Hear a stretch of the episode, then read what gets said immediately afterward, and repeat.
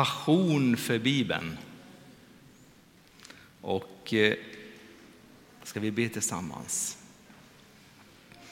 Herre, tack Herre att du får tända en längtan och törst att lära känna dig mer och läsa ditt ord. Så det står öppna för mina ögon så jag undren ser undren i din lag. Amen. Psalm 119 är den längsta psalmen i Bibeln och det är ju en, egentligen en lovsång till Guds ord. Och eh, jag lyfter fram bara en liten vers här, 97 så här. Vad jag älskar din lag, jag begrundar den dagen lång. Och så fortsätter nästan varje vers i hela psalm 119. Den här psalmisten, han älskar Guds ord. Han har fått tag i någonting oerhört dyrbart och oerhört En biblisk person som också älskar Bibeln. Han kanske inte är författare till salmen, men han passar väldigt mycket in och det är Esra. Esra var en präst och han var oerhört passionerad i Guds ord. Esra, han, i historien så var han 400-talet efter, före Kristus. Israel nation var långt bort i Babel och de var fångar utan frihet, kanske viss slaveri. Mitt i den här situationen var Esra. Och han var varken profet, han var inte en apostel, men han var prästsläkt. Och han trodde på Gud. Och han läste Guds ord som vi kallar Gamla testamentet. Han läste Guds ord och mediterade över det. Och Gud kom där och fyllde honom. Jag ska säga den heliga Ande kom och fyllde honom. Och Esa tog ett beslut. Jag vill fullt ut följa Gud. Jag vill göra det här. Jag är präst, men jag går in med hela mitt hjärta, hela min själ i det att tjäna Gud och älska Guds ord.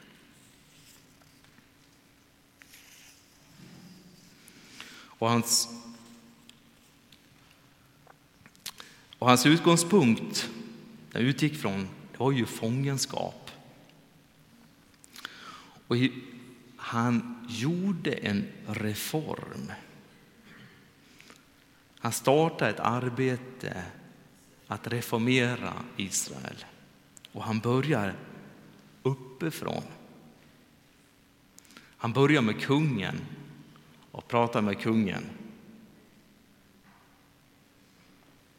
Och fick ett godkännande.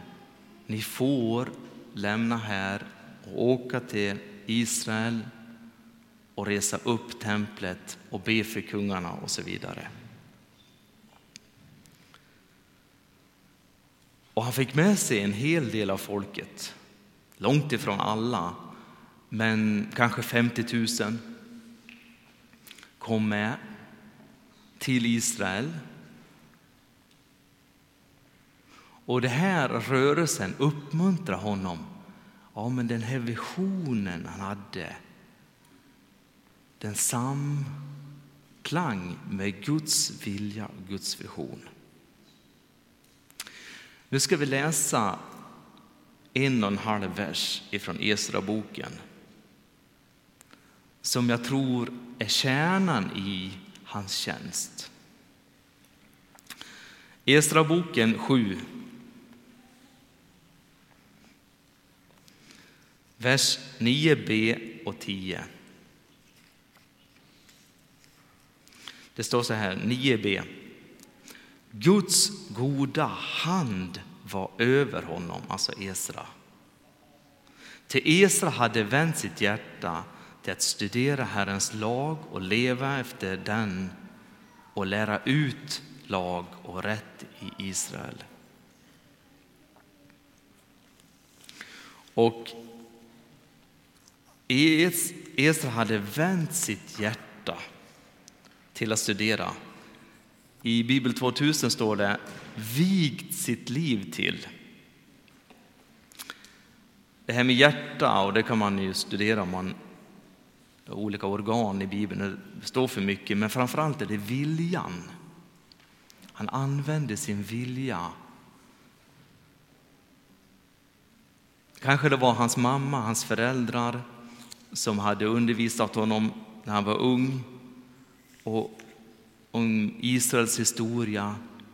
Och på något sätt han, det här, det här vill jag, jag vill göra det på riktigt. Han vände sitt hjärta till att studera Herrens ord.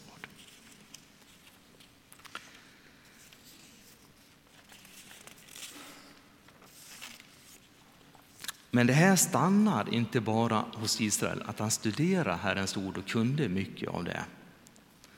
När man läser fariseerna och skrifterna på Jesu tid, de var också kunniga i skriften. Kanske studerade kanske en elva timmar om dagen, Bibeln. Men Jesus var ganska skarp mot fariseerna och de skriftlärda. Men Esra, han har tagit det ett steg till, det här med Bibeln. Han levde ut också Guds ord. Han tog sig an utmaningen och han lever ut vad som står i Guds ord. Och det är en väldig utmaning att läsa Bibeln. Och det är härligt att möta Guds ord. Men läser man sanningen, vad betyder det här för mig? Så kan det vara, det är inte lika lätt att leva ut det.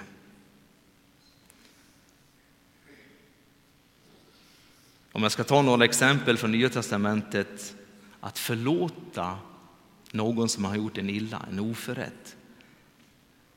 Att förlåtelse, det är ju väldigt centralt i Bibeln. Och en del personer kanske är lätt att förlåta, en del kanske är svårt att förlåta. Men Bibeln talar om att man ska förlåta alla. Som Gud förlåter dig ska du också förlåta andra. Och det är inte alltid så lätt förlåter han oförrätt. Och det gör ont. Det är egentligen ett egen predikan, det där med förlåtelse. Men han, Esra, han ville göra Herrens ord. Eller be för sina fiender. Eller de som, har, som man upplever är, är, är ju inte heller så här man, yes, det här är roligt. Men Bibeln talar att man ska göra det.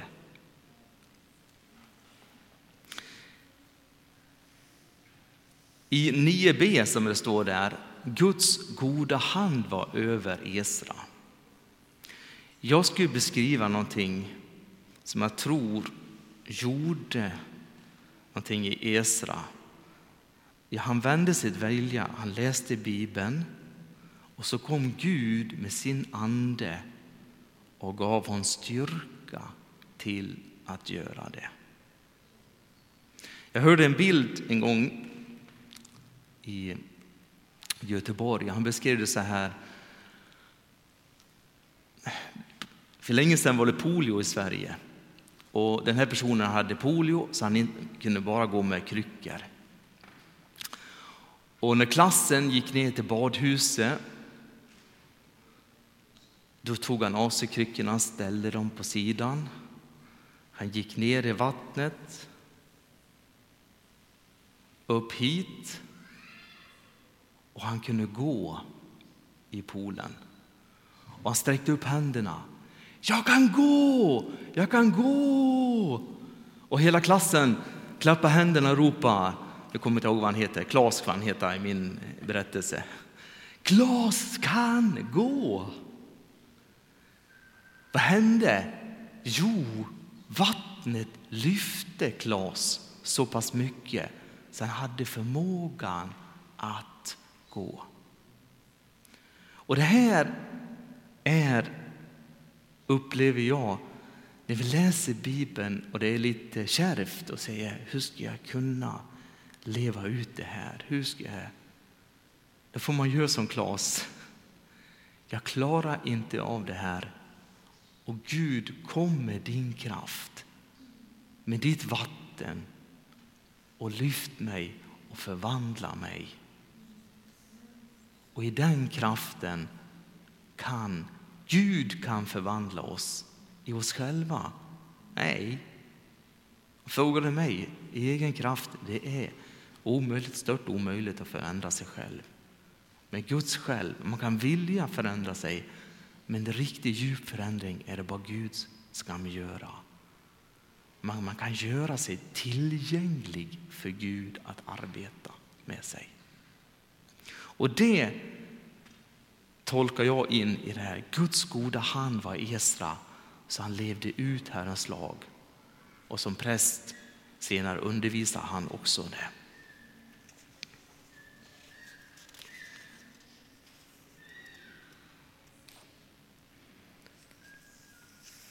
Att möta med Gud, att läsa Guds ord, det är att möta Gud. I Johannes 1 och 1 står det Ordet blev kött och tog sin boning bland oss. När vi läser Guds ord, då möter vi också Gud. När vi läser där i texterna, i berättelserna. Att få känna, man blir mättad. Och man får känna och be om Guds goda hand, Guds välbehag. Detta gör det omöjliga möjligt. Just att det förvandlar vårt inre och det ger oss hopp och det ger helande. Att älska Guds ord, att läsa den och leva efter den, det är att möta Gud. Och i det mötet gör det omöjliga möjligt. Gud kom och mötte Estra med hopp och helande. Inte bara till honom, en hel nation. Som den första sången vi sjöng här, tänd en eld så alla kan se. Vi får också vara. Vi vet inte vad Gud vill göra med Korskyrkan. Med Gud är det omöjliga möjligt. Det börjar med en vision i Esras liv och att transformera, han och ett gäng till förstås, transformera en hel nation och det vart en nation i Israel. Låt Gud verka, var passionerad i Guds ord. Ha inte dåligt samvete när det har gått fel eller läst Bibeln. Börja om igen. Jag tog fram den där för jag tänkte det kan vara bra Då kan man läsa Bibeln på ett år. Det är inte så dumt att få lite struktur.